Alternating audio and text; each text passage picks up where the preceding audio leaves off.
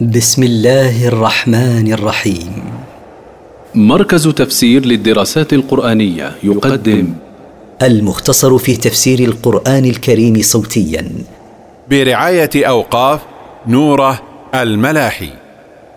سورة النمل مكية من مقاصد السورة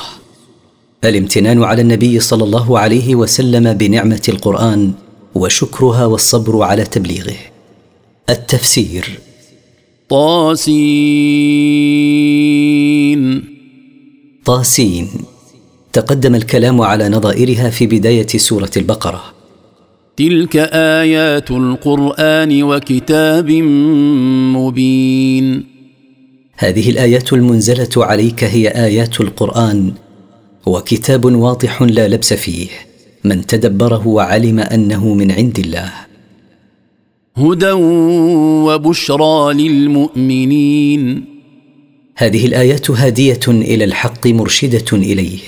ومبشره للمؤمنين بالله ورسله الذين يقيمون الصلاه ويؤتون الزكاه وهم بالاخره هم يوقنون الذين يؤدون الصلاه على اكمل وجه ويعطون زكاه اموالهم بصرفها الى مصاريفها وهم موقنون بما في الاخره من ثواب وعقاب ان الذين لا يؤمنون بالاخره زينا لهم اعمالهم فهم يعمهون ان الكافرين الذين لا يؤمنون بالاخره وما فيها من ثواب وعقاب حسنا لهم اعمالهم السيئات فاستمروا على فعلها فهم متحيرون لا يهتدون الى صواب ولا رشد اولئك الذين لهم سوء العذاب وهم في الاخره هم الاخسرون اولئك الموصوفون بما ذكر هم الذين لهم سوء العذاب في الدنيا بالقتل والاسر وهم في الاخره اكثر الناس خسرانا حيث يخسرون انفسهم واهليهم يوم القيامه بتخليدهم في النار وانك لتلقى القران من لدن حكيم عليم وانك ايها الرسول لتتلقى هذا القران المنزل عليك من عند حكيم في خلقه وتدبيره وشرعه عليم لا يخفى عليه شيء من مصالح عباده إذ قال موسى لأهله إني آنست نارا سآتيكم منها بخبر سآتيكم منها بخبر أو آتيكم بشهاب قبس لعلكم تصطلون اذكر أيها الرسول حين قال موسى لأهله إني أبصرت نارا ساتيكم منها بخبر من موقدها يرشدنا الى الطريق او اتيكم بشعله نار ماخوذه منها رجاء ان تستدفئوا بها من البرد فلما جاءها نودي ان بورك من في النار ومن حولها وسبحان الله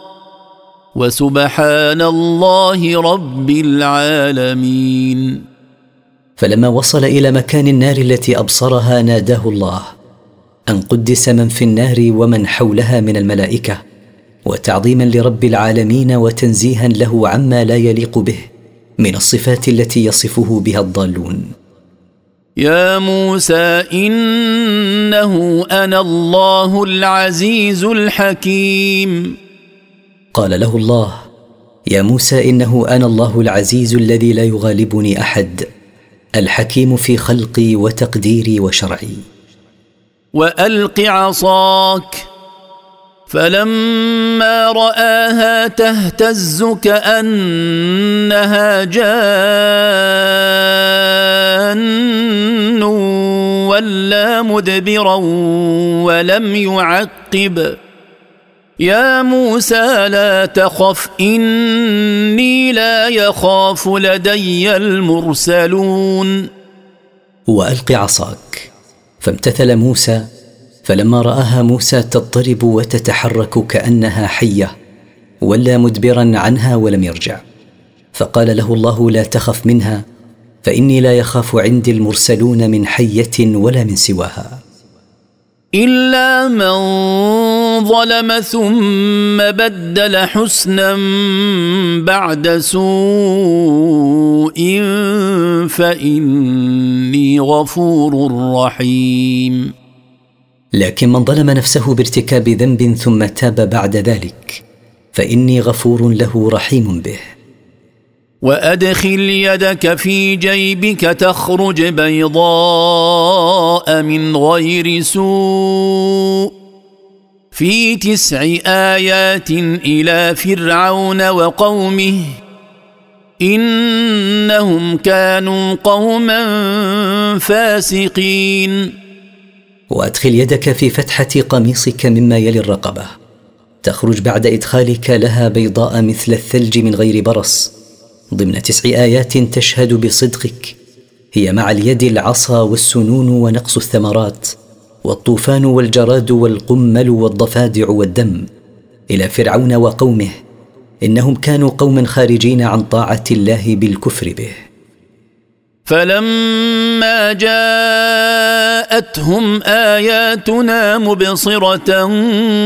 قالوا هذا سحر مبين فلما جاءتهم اياتنا هذه التي ايدنا بها موسى واضحه ظاهره قالوا هذا الذي جاء به موسى من الايات سحر بين وجحدوا بها واستيقنتها انفسهم ظلما وعلوا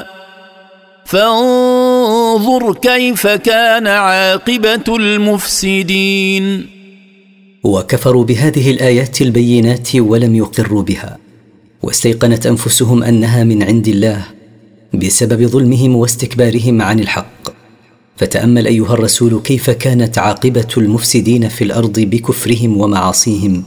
فقد اهلكناهم ودمرناهم كلهم ولقد اتينا داود وسليمان علما وقال الحمد لله الذي فضلنا على كثير من عباده المؤمنين ولقد اعطينا داود وابنه سليمان علما ومنه علم كلام الطير وقال داود وسليمان شاكرين الله عز وجل الحمد لله الذي فضلنا بما خصنا به من العلم والنبوه على كثير من عباده المؤمنين وورث سليمان داود وقال يا ايها الناس علمنا منطق الطير واوتينا من كل شيء ان هذا لهو الفضل المبين وورث سليمان اباه داود في النبوه والعلم والملك وقال متحدثا بنعمه الله عليه وعلى ابيه يا ايها الناس علمنا الله فهم اصوات الطير واعطانا من كل شيء اعطاه الانبياء والملوك ان هذا الذي اعطانا الله سبحانه لهو الفضل الواضح البين وحشر لسليمان جنوده من الجن والانس والطير فهم يوزعون وجمع لسليمان جنوده من البشر والجن والطير فهم يساقون بنظام حتى اذا اتوا على واد النمل قالت نمله يا ايها النمل ادخلوا مساكنكم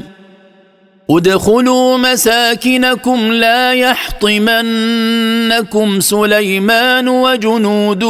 وهم لا يشعرون فلم يزالوا يساقون حتى اذا جاءوا الى وادي النمل موضع بالشام قالت نمله من النمل يا ايها النمل ادخلوا مساكنكم حتى لا يهلككم سليمان وجنوده وهم لا يعلمون بكم اذ لو علموا بكم لما داسوكم فتبسم ضاحكا من قولها وقال رب اوزعني ان اشكر نعمتك التي انعمت علي وعلى والدي وان اعمل صالحا ترضاه وادخلني برحمتك في عبادك الصالحين فلما سمع سليمان كلامها تبسم ضاحكا من قولها هذا وقال داعيا ربه سبحانه رب وفقني والهمني ان اشكر نعمتك التي انعمت بها علي وعلى والدي ووفقني ان اعمل عملا صالحا ترتضيه وادخلني برحمتك في جمله عبادك الصالحين وتفقد الطير فقال ما لي لا ارى الهدهد ام كان من الغائبين وتعهد سليمان الطير فلم يرى الهدهد فقال ما لي لا ارى الهدهد امنعني من رؤيته مانع ام كان من الغائبين لاعذبنه عذابا شديدا او لاذبحنه او لياتيني بسلطان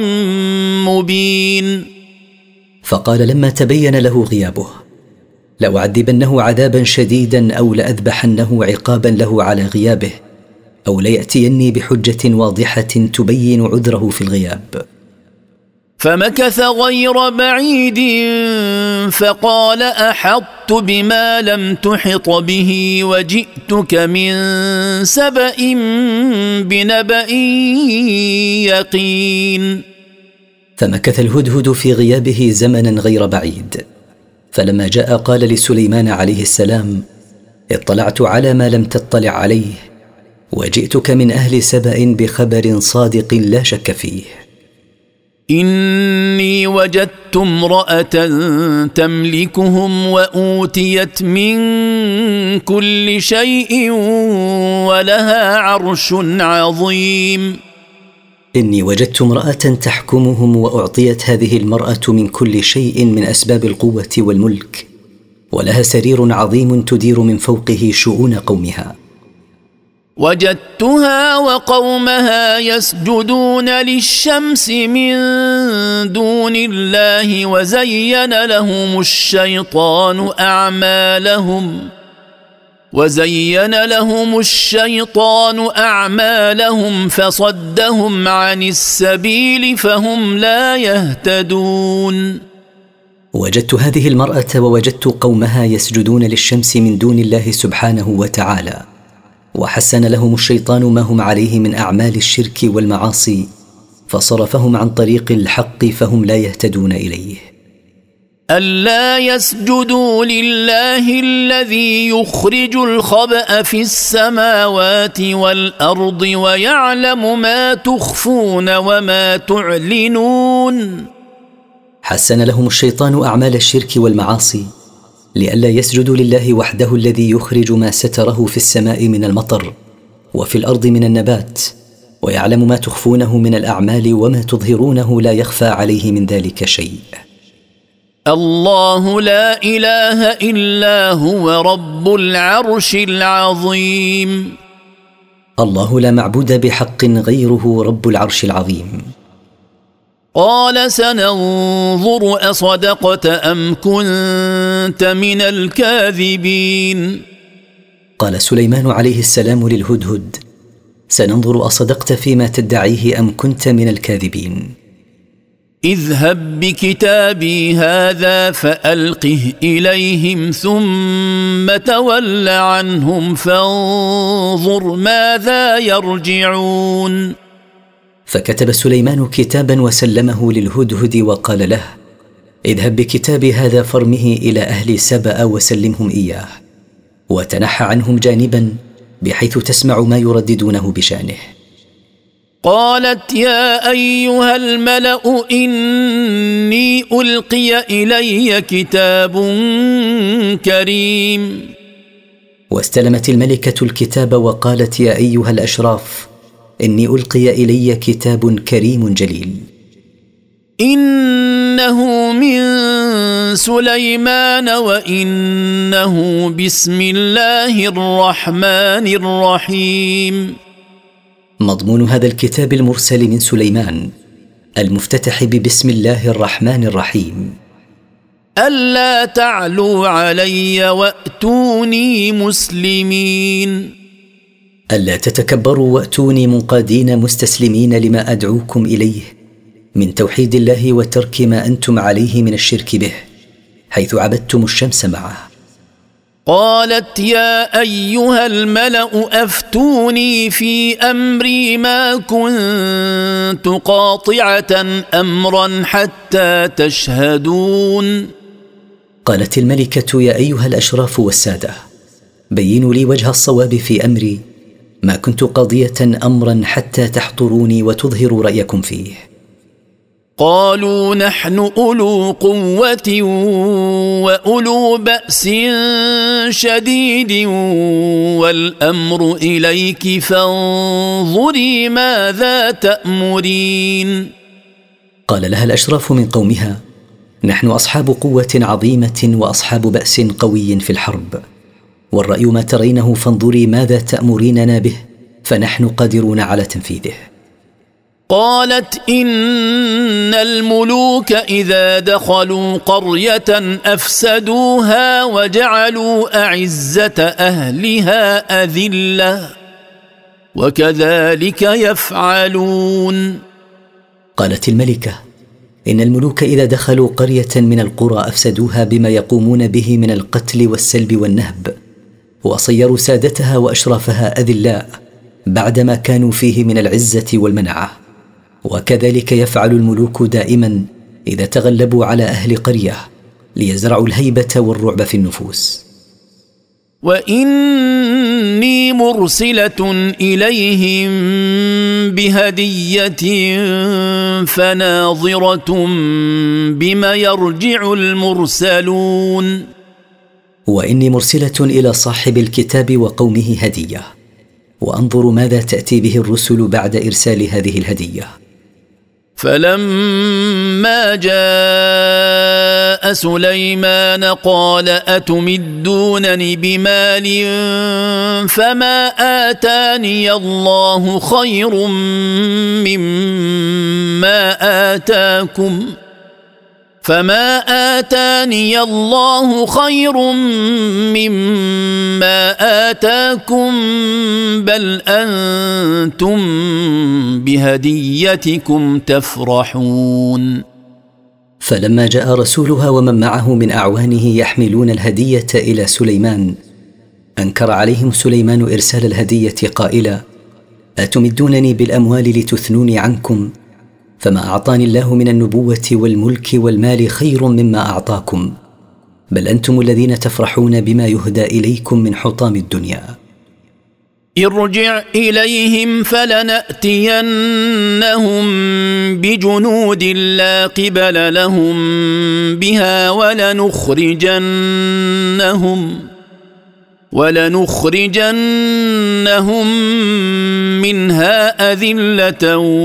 وهم صاغرون قال سليمان عليه السلام لرسولها ارجع اليهم بما جئت من هديه فلناتينها وقومها بجنود لا طاقه لهم بمواجهتهم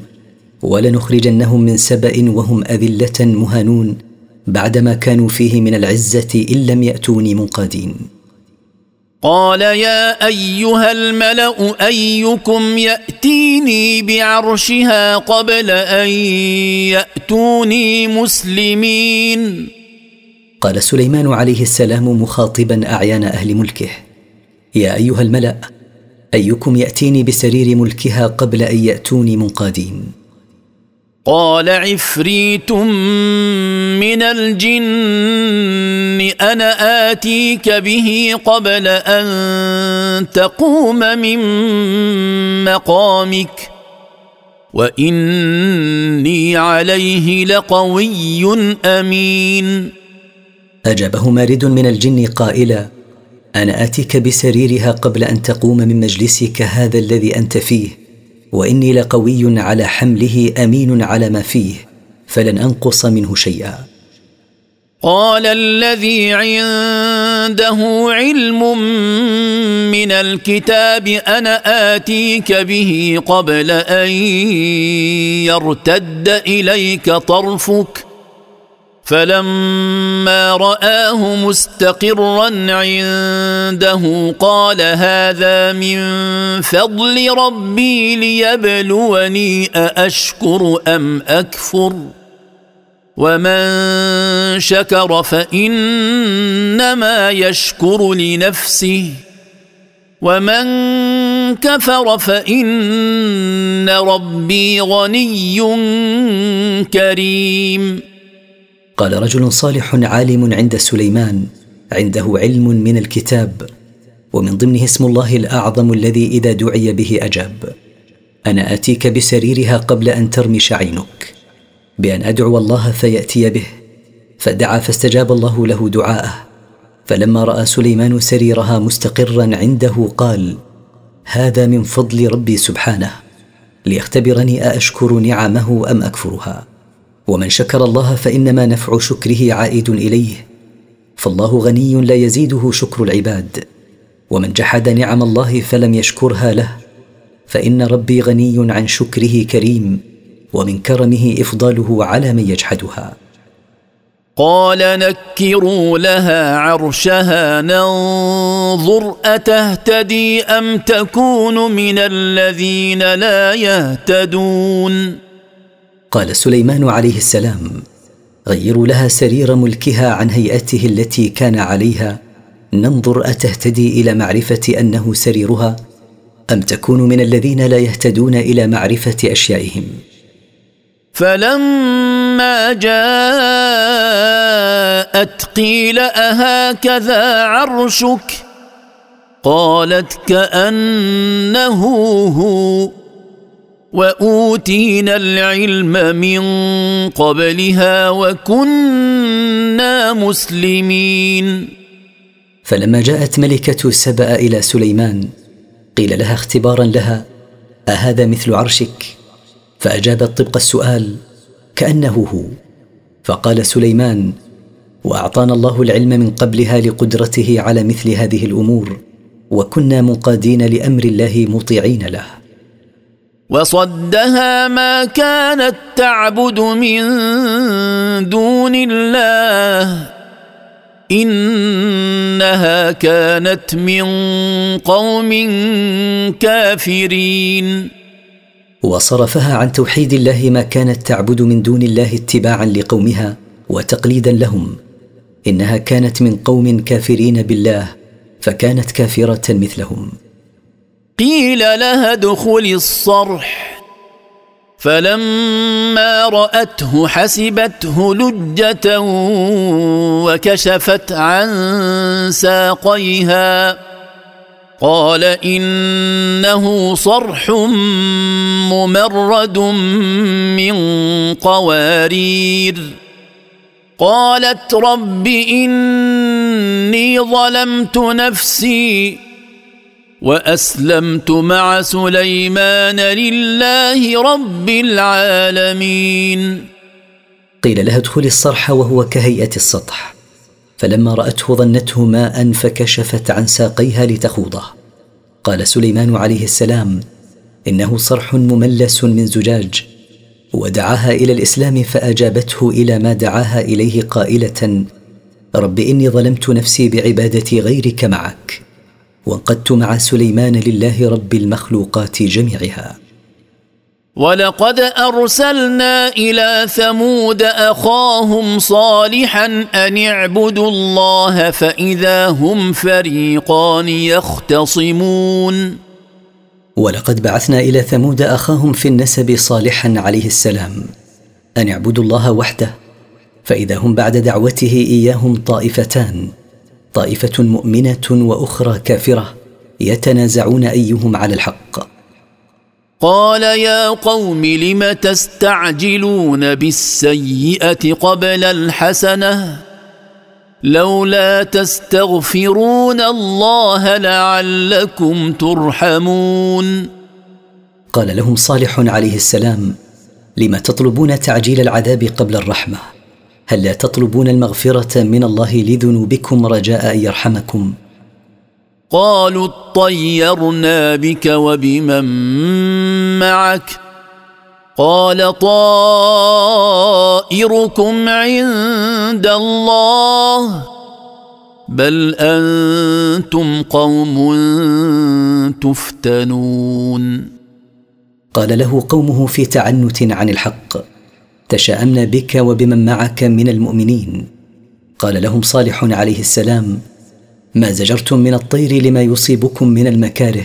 عند الله علمه لا يخفى عليه منه شيء بل انتم قوم تختبرون بما يبسط لكم من الخير وبما ينالكم من الشر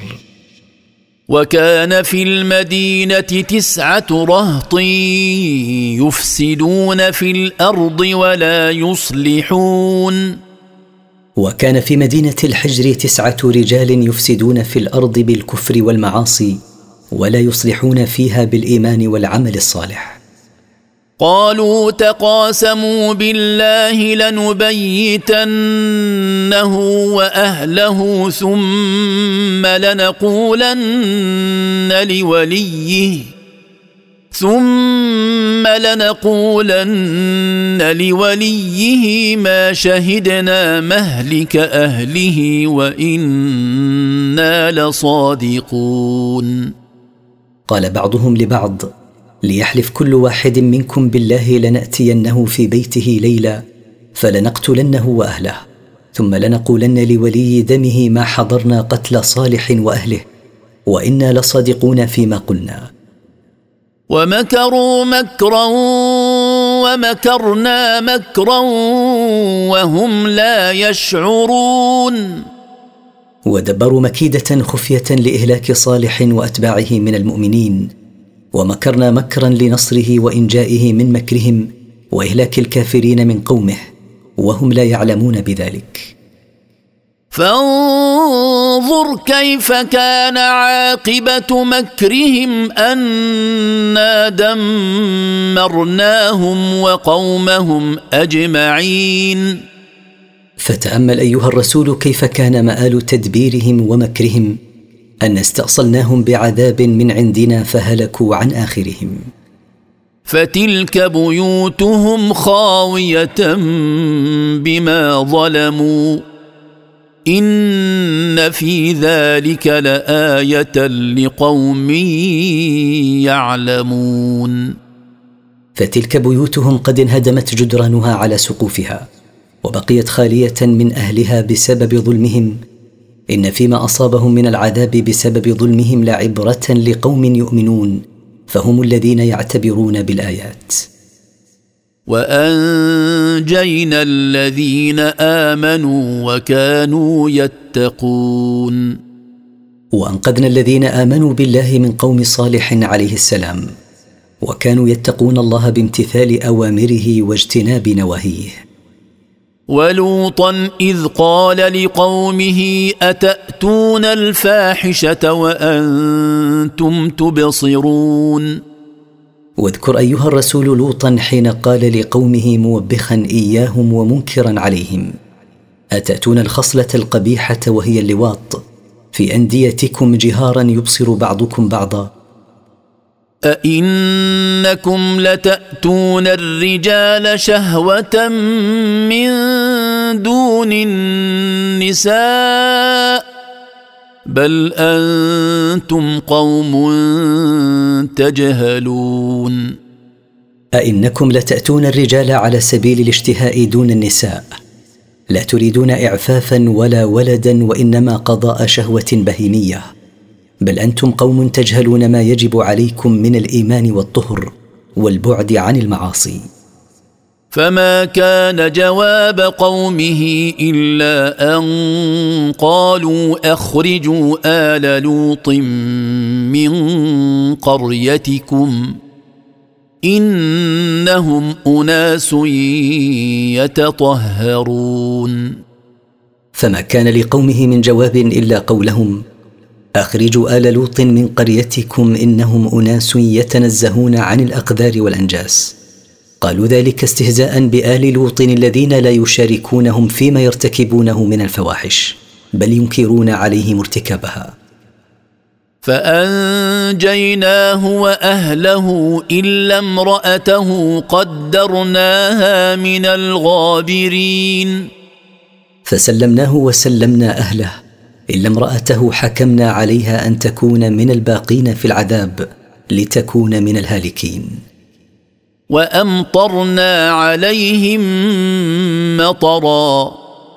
فساء مطر المنذرين وامطرنا عليهم حجاره من السماء فكان مطرا سيئا مهلكا لمن خوفوا بالعذاب ولم يستجيبوا قل الحمد لله وسلام على عباده الذين اصطفى آه، الله خير أم ما يشركون قل أيها الرسول الحمد لله على نعمه وأمان منه من عذابه الذي عذب به قوم لوط وصالح لأصحاب النبي صلى الله عليه وسلم الله المعبود بحق الذي بيده ملكوت كل شيء خير اما يعبده المشركون من معبودات لا تملك نفعا ولا ضرا امن خلق السماوات والارض وانزل لكم من السماء ماء فانبتنا به فانبتنا به حدائق ذات بهجه ما كان لكم ان تنبتوا شجرها أإله مع الله بل هم قوم يعدلون أمن خلق السماوات والأرض على غير مثال سابق وانزل لكم ايها الناس من السماء ماء المطر فانبتنا لكم به حدائق ذات حسن وجمال ما كان لكم ان تنبتوا شجر تلك الحدائق لعجزكم عن ذلك فالله هو الذي انبتها امعبود فعل هذا مع الله لا بل هم قوم ينحرفون عن الحق فيسوون الخالق بالمخلوقين ظلما أم جعل الارض قرارا وجعل خلالها انهارا وجعل لها رواسي وجعل بين البحرين حاجزا أإله مع الله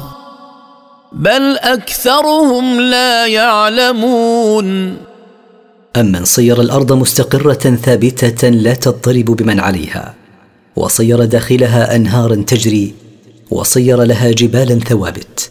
وصير بين البحرين المالح والعذب فاصلا يمنع اختلاط المالح بالعذب حتى لا يفسده فلا يصلح للشرب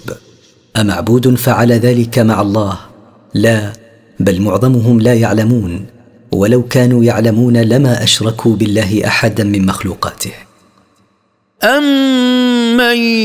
يجيب المضطر اذا دعاه ويكشف السوء ويجعلكم خلفاء الارض أإله مع الله قليلا ما تذكرون أمن يجيب من ضاق عليه أمره واشتد إذا دعاه ويرفع ما يقع بالانسان من مرض وفقر وغيرهما ويصيركم خلفاء في الارض يخلف بعضكم بعضا جيلا بعد جيل امعبود يفعل ذلك مع الله لا قليلا ما تتعظون وتعتبرون امن يهديكم في ظلمات البر والبحر ومن يرسل الرياح بشرا بين يدي رحمته أإله مع الله تعالى الله عما يشركون أمن يهديكم في ظلمات البر وظلمات البحر بما ينصبه لكم من معالم ونجوم ومن يبعث الرياح مبشرات بقرب نزول المطر الذي يرحم به عباده امعبود يفعل ذلك مع الله تنزه الله وتقدس عما يشركون به من مخلوقاته أم من يبدأ الخلق ثم يعيده ومن يرزقكم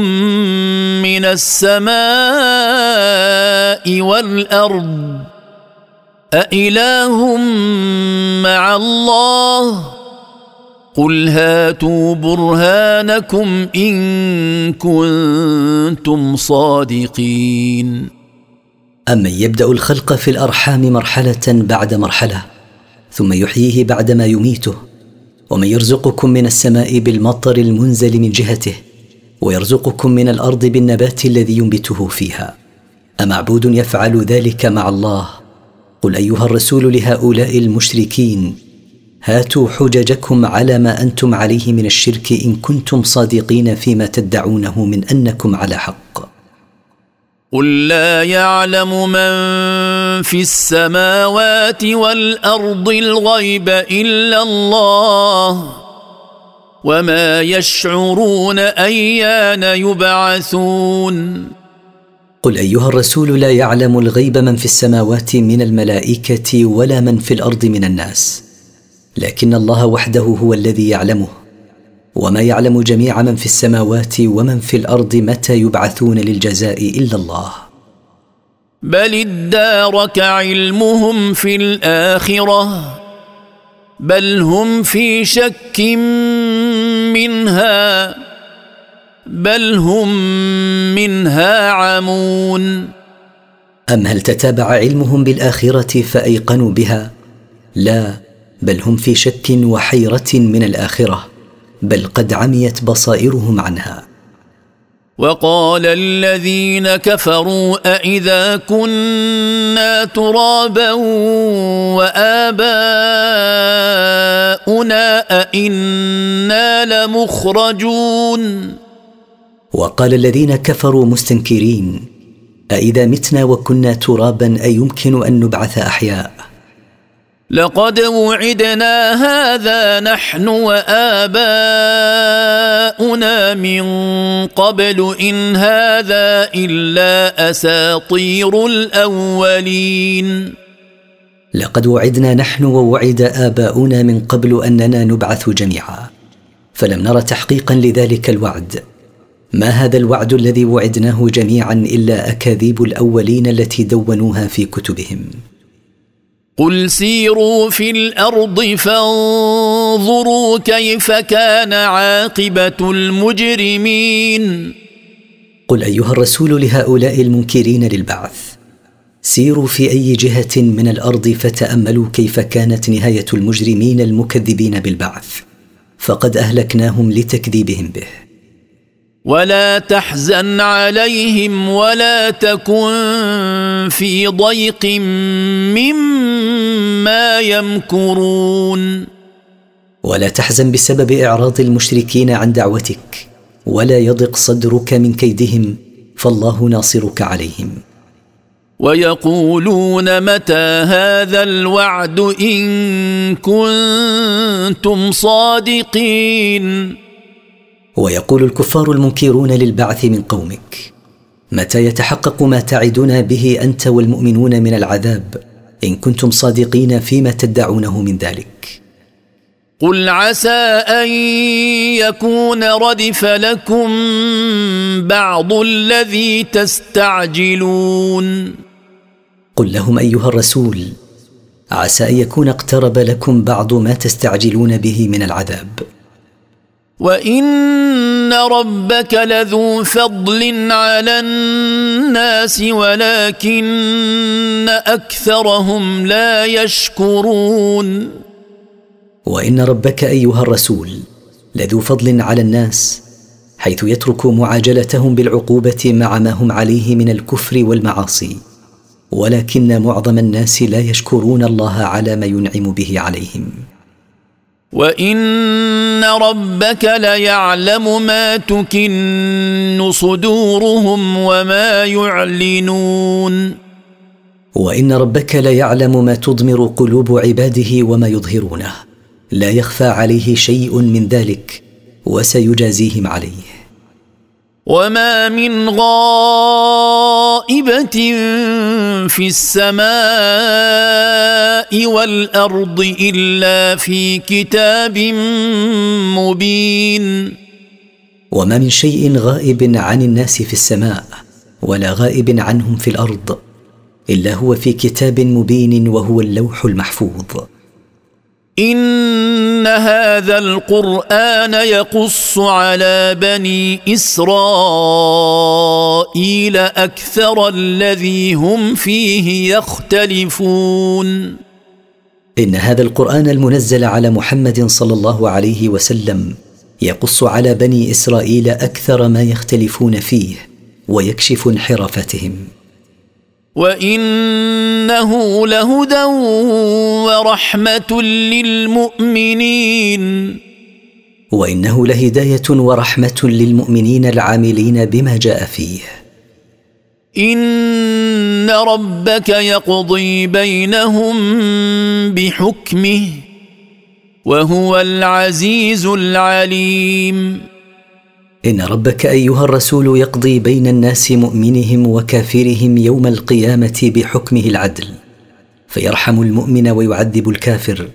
وهو العزيز الذي ينتقم من اعدائه ولا يغالبه احد العليم الذي لا يلتبس عليه محق بمبطل فتوكل على الله انك على الحق المبين فتوكل على الله واعتمد عليه في جميع امورك انك على الحق الواضح إن إنك لا تسمع الموتى ولا تسمع الصم الدعاء إذا ولوا مدبرين إنك أيها الرسول لا تسمع الموتى الذين ماتت قلوبهم بسبب الكفر بالله ولا تسمع من أصم الله سمعه عن سماع الحق ما تدعوهم إليه إذا رجعوا معرضين عنك وما أن أنت بهاد العمي عن ضلالتهم إن تسمع إلا من يؤمن بآياتنا فهم مسلمون ولست بهادي من عميت بصائرهم عن الحق فلا تحزن عليهم وتتعب نفسك ما تقدر ان تفهم الحق الا من يؤمن باياتنا فهم منقادون لاوامر الله واذا وقع القول عليهم اخرجنا لهم دابه من الارض تكلمهم تكلمهم ان الناس كانوا باياتنا لا يوقنون واذا وجب العذاب وثبت عليهم لاصرارهم على كفرهم ومعاصيهم وبقي شرار الناس اخرجنا لهم عند اقتراب الساعه علامه من علاماتها الكبرى وهي دابه من الارض تكلمهم بما يفهمون ان الناس كانوا باياتنا المنزله على نبينا لا يصدقون ويوم نحشر من كل امه فوجا ممن يكذب باياتنا فهم يوزعون واذكر ايها الرسول يوم نحشر من كل امه من الامم جماعه من كبرائهم ممن يكذب باياتنا يرد اولهم الى اخرهم ثم يساقون الى الحساب حتى اذا جاءوا قال اكذبتم باياتي ولم تحيطوا بها علما ام ماذا كنتم تعملون ويستمر سوقهم حتى اذا جاءوا مكان حسابهم قال لهم الله توبيخا لهم اكذبتم باياتي الداله على توحيدي والمشتمله على شريعتي ولم تحيطوا علما بانها باطله فيسوغ لكم تكذيبها ام ماذا كنتم تعملون بها من التصديق او التكذيب ووقع القول عليهم بما ظلموا فهم لا ينطقون ووقع عليهم العذاب بسبب ظلمهم بالكفر بالله وتكذيب اياته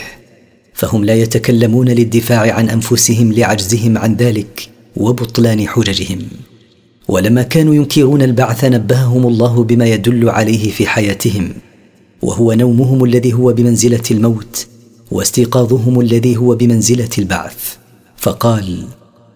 الم يروا انا جعلنا الليل ليسكنوا فيه والنهار مبصرا ان في ذلك لايات لقوم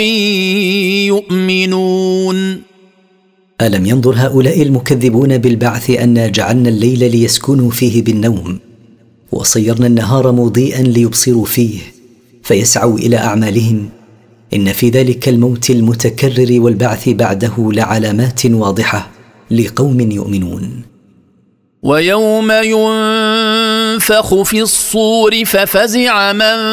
في السماوات ومن في الارض الا من شاء الله وكل اتوه داخرين واذكر ايها الرسول يوم ينفخ الملك الموكل بالنفخ في القرن النفخه الثانيه ففزع من في السماوات ومن في الارض الا من استثناه الله من الفزع تفضلا منه وكل من مخلوقات الله ياتونه في ذلك اليوم مطيعين ذليلين وترى الجبال تحسبها جامده وهي تمر مر السحاب صنع الله الذي اتقن كل شيء انه خبير بما تفعلون وترى الجبال في ذلك اليوم تحسبها ثابته لا تتحرك وهي في واقع الامر تسير مسرعه سير السحاب صنع الله فهو الذي يحركها انه خبير بما تفعلون لا يخفى عليه شيء من اعمالكم وسيجازيكم عليها من جاء بالحسنه فله خير منها وهم من فزع يومئذ امنون من جاء يوم القيامه بالايمان والعمل الصالح فله الجنه وهم امنون بتامين الله لهم من فزع يوم القيامه ومن جاء بالسيئه فكبت وجوههم في النار هل تجزون الا ما كنتم تعملون ومن جاء بالكفر والمعاصي فلهم النار يلقون فيها على وجوههم ويقال لهم توبيخا لهم واهانه هل تجزون الا ما كنتم تعملونه في الدنيا من الكفر والمعاصي انما امرت ان اعبد رب هذه البلده الذي حرمها وله كل شيء وامرت ان اكون من المسلمين قل لهم ايها الرسول انما امرت ان اعبد رب مكه الذي حرمها فلا يسفك فيها دم ولا يظلم فيها احد ولا يقتل صيدها ولا يقطع شجرها وله سبحانه ملك كل شيء وامرت ان اكون من المستسلمين لله المنقادين له بالطاعه وان اتلو القران فمن اهتدى فانما يهتدي لنفسه ومن ضل فقل انما انا من المنذرين وامرت ان اتلو القران على الناس فمن اهتدى بهديه وعمل بما فيه فنفع هدايته لنفسه ومن ضل وانحرف عما فيه وانكره ولم يعمل بما فيه فقل انما انا من المنذرين انذركم من عذاب الله وليس بيدي هدايتكم وقل الحمد لله سيريكم اياته فتعرفونها وما ربك بغافل عما تعملون وقل ايها الرسول الحمد لله على نعمه التي لا تحصى سيريكم الله اياته في انفسكم وفي السماء والارض والرزق فتعرفونها معرفه ترشدكم الى الاذعان للحق وليس ربك بغافل عما تعملون بل هو مطلع عليه لا يخفى عليه منه شيء وسيجازيكم عليه